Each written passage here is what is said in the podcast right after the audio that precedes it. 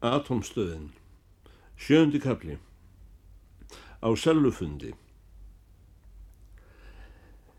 Dæin eftir hitti ég stúlkuna og piltin í bröðsölunni.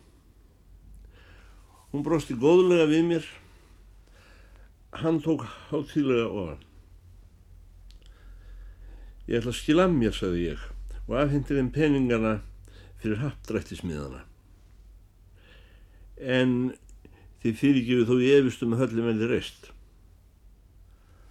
Akkurju, sagði stúlkan og horfði á mig dálítið öngruð og mér fannst ég hefði rekt hana að láta ljós efa. Ég veit ekki, sagði ég, því ég vildi ekki ángrana meira.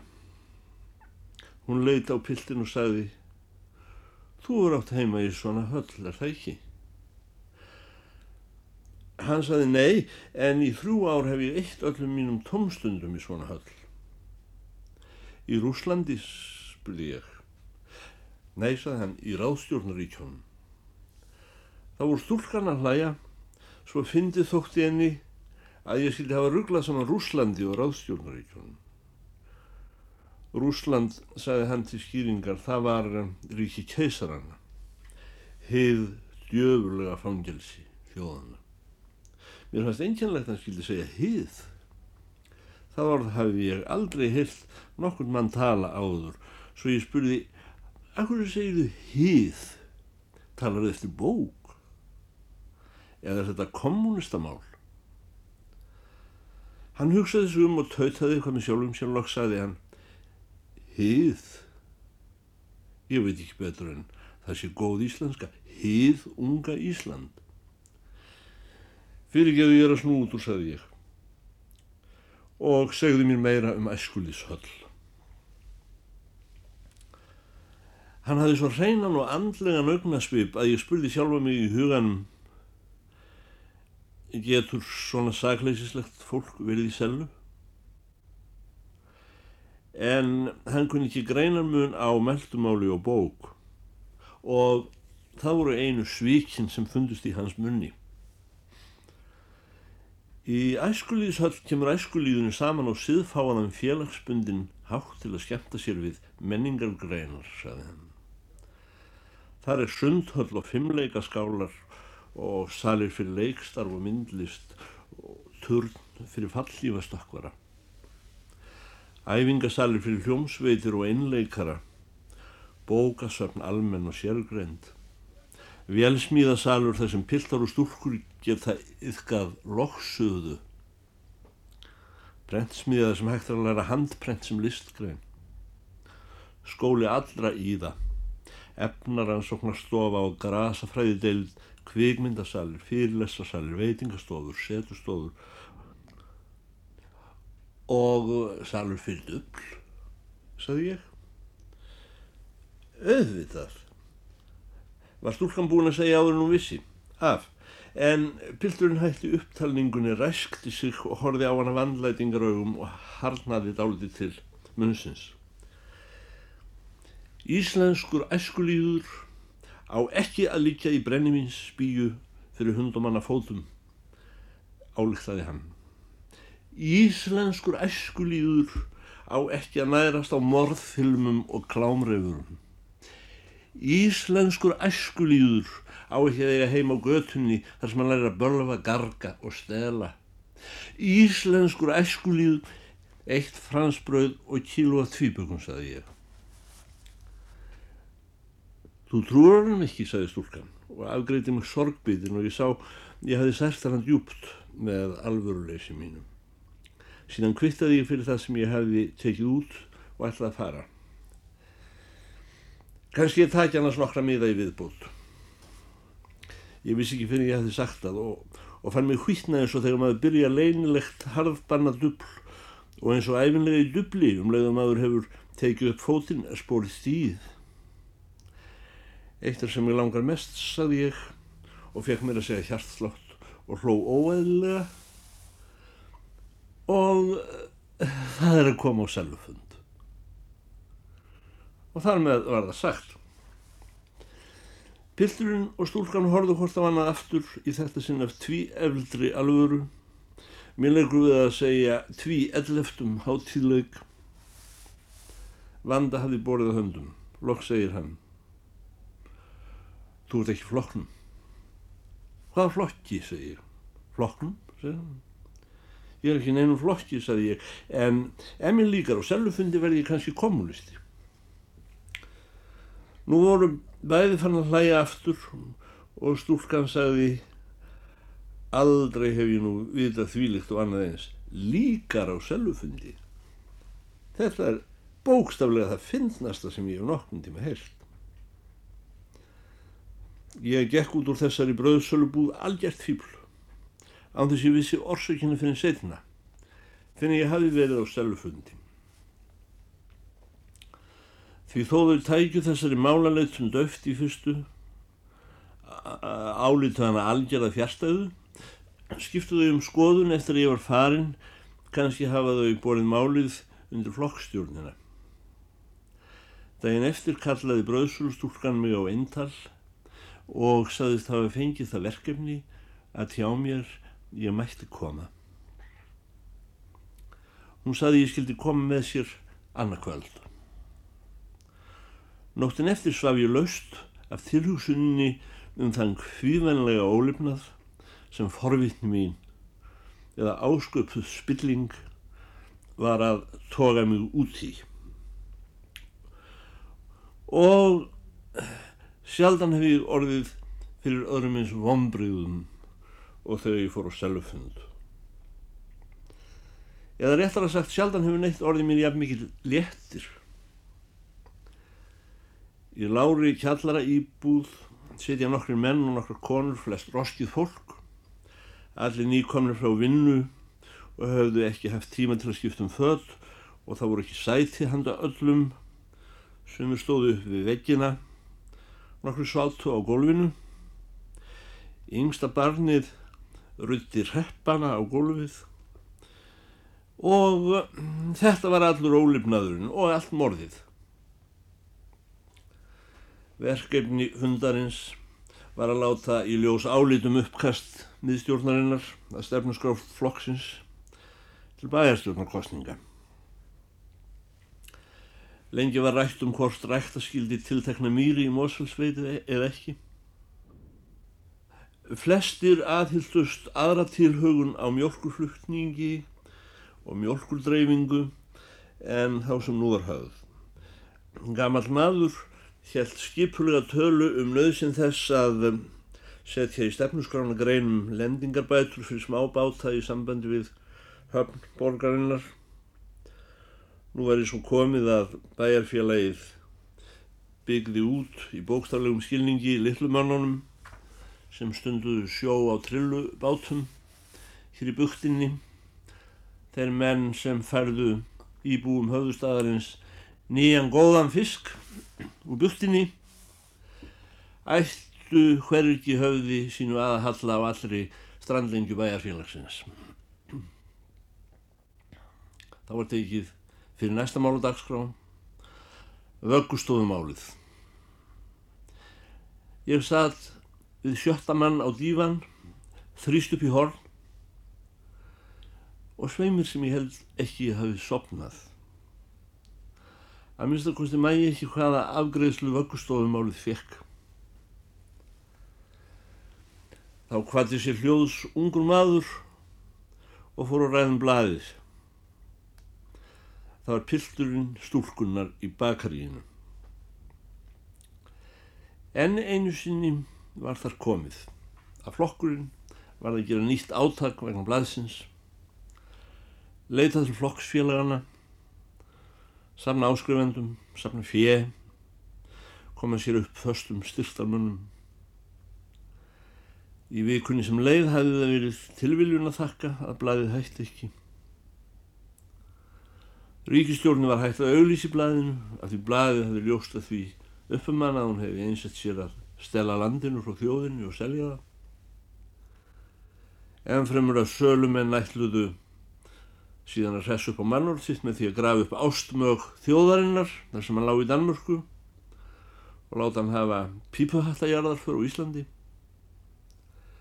heilsalastjættin var hægt að auglýsa í blæðinu af því það, það hefði sagt þeir hefðu FFF í New York kvikmyndahúsin vildi ekki auglýsa af því það hefði staðið í blæðinu að, að þeir í Hollywood kynna ekki að búa til kvikmyndir með öðrum orðum sannleikurinn hefði snert á stjættaróvinnurinn óttast ekki nema sannleikan óttast að fólkið fái vita sannleikan Nú yrði verkalýðurinn enn einu sinni að hlaupa í skrápana vegna blaðsins. Blaðið veri kýrum fátækamæðsins ef hann sláttraði henni eða leti hana dragast upp þá myndi fjölskyldan degja í þessari ræðu vaknaði ég aftur. Og þegar ég sá þetta fátæka og lúna fólk álíka lúið og fátækt og fólki mitt heima í dalnum fara hon í vasa sinn eftir bullunni og opnaði hana með þessum lúnu höndum sem mér fannst allt í einu ég gæti kist, grátandi og taka upp úr enni þannig að fræga pening ekkunar og sumir hóldur butun á borðið. En e, þeir sem ekki voru með butu klóruðu sig á lista. E, þá fannst mér ég vera í einu og öllu og myndi æfinlega verða á sama máli og þetta fólk. Hvað sem það talað um leiðinlega efni, hvort heldur það vildi láta rækta mýri í Mósfellsveit að haldi landið sitt á móti pípuhöttum sem ætlaði að svíkja það undan því og selja það frá því. Svo ég klóraði mig líka á lista og skuldbatt mig að láta tíu krónur á mánuð í blaðsjóðin þó ég hefði aldrei séð blaðið. Konan vildi við þægjum kaffisopa áður um færum en margir þar á meðal ég sögðust ætla að flýta sér heims sem er sögðust ekki eins og vera farnir að þvó sér og það var framorðið. Húsbóndin fylgdi mér til dýra, hann var selustjóri. Hann sagði ég væri velkomin aftur næst en þá vil ég að býða til kaffi og nú hafði ég verið á selufundi. Annar fundur. Kádiljákurinn stendur fyrir utan. Ég myndi ekki nákvæmlega nafnið á lyktinni sem sló á móti mér þegar ég opnaði í bakdera megin, vissi var einu sinni hvort mér þóttum vond eða góð. Lykt er góð eða vond allt eftir endurminningunum sem við hann eru tengdar. Þessi var að minnst að kosti ekki verri en af tópaksreik, hafi kviknað í einhverju og þegar ég geng úr eldhúsinu fram í öndina að vita hvað þetta sé þá er opiðinn í vinnuherbyrgi til bóndans Alþingismadurinn situr þar inni hjá sér með fæturna upp á stól, snýr baki við dýrum, álútur í sessi yfir verkefni. Hann segir halló, án þess að gá við þann sem hann heyrir á gangi frammi og heldur áfram að einbeita sér við verkefnið. Það er bara ég segir vinnukonan. Vil ég síkrættu, segir hann, það eru þarna borðinu. Ég kann ekki rækja, segja, en mér finnst einhver lykt á þér opið. Ég opnaði til að hleypa út rækjálsispestin, gangið inn. Ég skal sína þú dálitið sem ég ekki getið. Hann mælti eftir vanda í þessum góðfúsa gladværa tóni og þó dálítið annars hugar. Og sveimir sem ég vissi hvort ég ætti að áræða þó hann segði svo ég var sem sagt stúlkan og hvað var frúin. Samt ég var engin ambátt ég var maður, ég var frjáls kona. Komið þér og reynið þennan strák segir hann. Strák segir. Og veit ekki fyrir en ég er komin til hans og farin að skoða. Og sýtur hann ekki þar með krínlóttan barnaspeil eins og fást á kroknum fyrir tíura og sveltingja strákur eftir hann því slíkir gripir hljóta að vera að gera handa sveltingjum. Það eru nokkra lausar agnir millir glessins og myndarinnar, tvær svartar og fimm eða sex hvítar og þrautinn er að halla myndinni þannig að svörtu agnirnar lendi í augnatóktónum á stráknum en þær hvítu fara upp í trantun á honum. Og við þetta er alþingismadurinn minna basla með rjúkandi síkarettuna í öðrum um vikinu og glera hún á borðinu. Ég hrættum, ég hef ekki laga á því, segi ég, sá dómadagsklaufi sem ég er við allar þrautir. Ég líka, saði hann, og leitt á mig og brosti og fekk mér leikfangið. Og ég vissi ekki fyrir ég var farin að reyna. Og hann sestur upp á borða að sjá hvernig það ekkist og þá heyri ég einhvern uml innan úr næsta sall einhverja hátilega og þó hálf kæða postillu flutta við undirleik guðrættra andvarpa eins og viðskilnaðar orð degjandi manns Ó því mín laungunar fullu bein kærleikis álar þroskiljós og undarlegt korr á milli eins og þegar verður að skera kind. Eru þá gestir, sagði ég og leid upp felmsfull. Það vilist vera mæðuveikinn, sagði hann. Við skulum ekki hugsa um það. En eftir dálitla stund byrjaði postillan aftur andvörpun og korrið og ég fyrir að hlusta. Bítar er búin að losa sig við gamlu kvikindin og komin með nýtt, saði húsbóndin. Annar heimur sem sé. Annar heimur, húnnin, segja. Miðelsfundur, segir hann. Og þér hér, segja. Ég guppa í sex metra boga, segir hann. Og áfram með strákinn. Bítar, sagði ég. Það er einkennilegt nafn. Með leifi er það 200.000 naglbítar. Já, greiðskallin hann hefur þess konar trú á annan heim pluss grasátt sem er í senn eftirstöðvar og, ránghverfa gamals drikkjuskapar. Nokkur konar fyllir í á villigötum, eh, ef ég svo meitt segja. Meðan hann var óbrótinn fyllir aftur á grósýri, nýkominn á norðan, kefti hann tvo naglbíta og fimm stæði að handa sér hverjum Íslandingi. Hárnett, sex handa hverjum anspanni. Endalöst amrist vatn niðursóð í dós til að hafa í súpu. Tíu ára gamlan smáfisk frá Portugal og gerðpulver nóg til að lifta öllu landinu en það vita ekki einu sinni kommunistar. Síðast hafði hann einsett sér að kaupa alla rúsinur jarðarinnar og flytja til Íslands en þá var hann líka búin að missa mælið nema hvað hann orgaði í sífellu bókstafin A. Hlutafélagið snorræta bjargaðunum við elskum fábjóna. Við erum að vona 200.000 naglbítar geta orðið ráð þeirra. Nú er hann sem sé komin í samband við ástmög þjóðarinnar sem við sendum í danskan döða fyrir hundrað árum ástmögur þjóðarinnar vil láta bítar grafa sig upp svo að við nútíma Íslendingar fáum okkar verðskuldaðan aðhlátur í sögurni. Við erum að hugsa um að grafa hann upp þó það sé löngu sannað sér fróðum mönnum að beinin úr hann séu tínd. Forsættisráðurinn, máur minn er komin í spili. Og þannig er þér rétt búin að koma tönnunum upp í kæftinu stráknum. Nú sé ég að þið getið allt.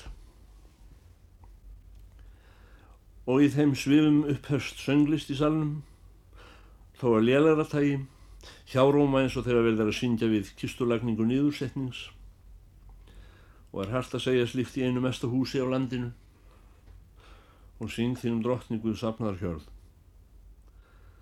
Síðan var þessi ámáttlegi söngur á enda. Það var ruskað við stóla Sátarnir stóðu upp.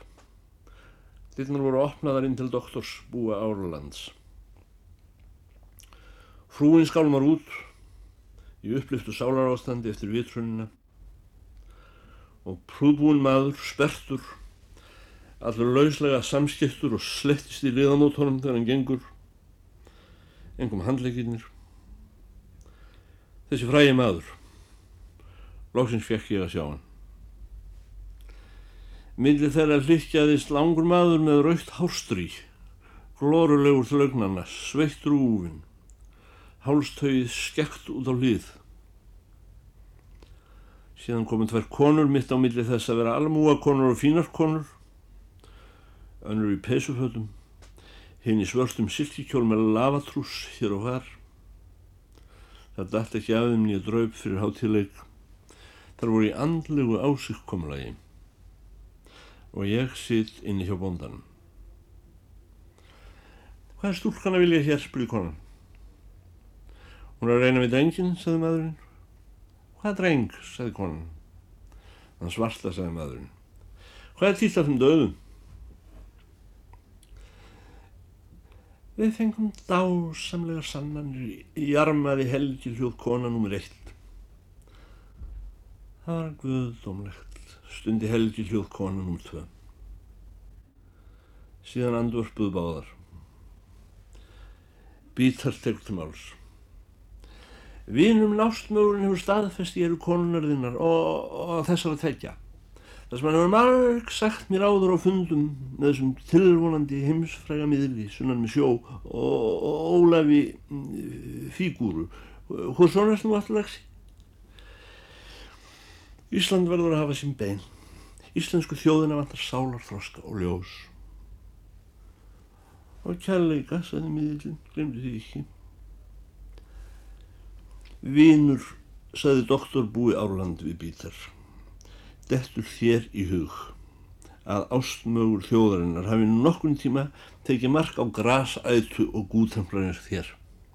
Nefnir þetta eina skipti þegar hann orti nöyt gæfa fóður grasið grær á leiði móður þinnar. Það skal í blöðin Það skal í útvarfið, það skal í fólki, sagði 200.000 nærspítar. Og ef þið fellið á alþingi þá skal ég til Danmörku sjálfur og láta grafa hann upp fyrir mína peninga. Ég skal meira sig að kaupa beinin og eiga þau sjálfur. Það skal ekki ganga hnífurinn á mitti minna beina á hans. Vil ekki einhver taka þessir útvöðu þessum unga manni snýtuklút, sagði doktorinn og benti á miðilinn Óla Fígúru. Bíðar tók upp silki vasaklútsinn úr utan á brjósvasan, snýtti manninum í skyndi og kastaði síðan klúknum í kaminuna, allt með dinglandi reyfingum eins og gummikall. Miðlinn sög djarflega upp í nefið eftir snýtuna og sagði í afsökunarskynni Þeir draga frá mér svo mikinn kraft út í gegnum nefið, engalega stóra andarnir ástmögulinn alveg sérstaklega. Ég álítir eftir að læra að taka í nefið, saði doktorinn við miðlinn. Böðið síðan smáborgar að konunum síkarettu en þær horða á hann hrættar. Annað var þessari hálfstjett ekki gert gott í slíkur húsi. Ég held áfram að reyna að koma hvítuð ögnónum upp í þann svarta og fann þó uh, alveg príðilega hvernig andstiðin brann í kroppnum á konunni að horfa vinnukonuna inn í herbergi mannsins að leika sér meðan hún, þessi mikla kona af þessu mikla fólki var að koma úr öðrum heimi uppfull af því heilaga og þetta augnaráð gerði mig alveg rólega því fyrir hvað hefði ég þurft að skammast mín? Hefði ég hlaupið um leið og hún kom? Það hefði verið skam, það hefði verið að lýsa sök á hendur sér að ástæðu lausu Komdu vínur, saði Bítar og hjálpaði mann uh, Óla Fígúru að, að rata út um opna dittnar svo hann er við ekki til þarna á miðju golfi Frúin ítti hálfstjættarkonunum einni út um dittnar og hvati það náðarsamlega og þær heldu áfram að jarma og stinja í viðkvæmu falsettunni yfir dásend annars heims, annars heims allaveg út á göttum. Alþingismadurinn Dr. Búi Árland myndi allt í einu eftir að hann þurfti að tala dálítið einslega við bítar undirmann sinn, tók viðbræð og hljóp og eftir honum út af kátiljáknum þar sem umbóðsmadurinn var sestur við stýrið og rætti við hann innum opnar bíldurnar.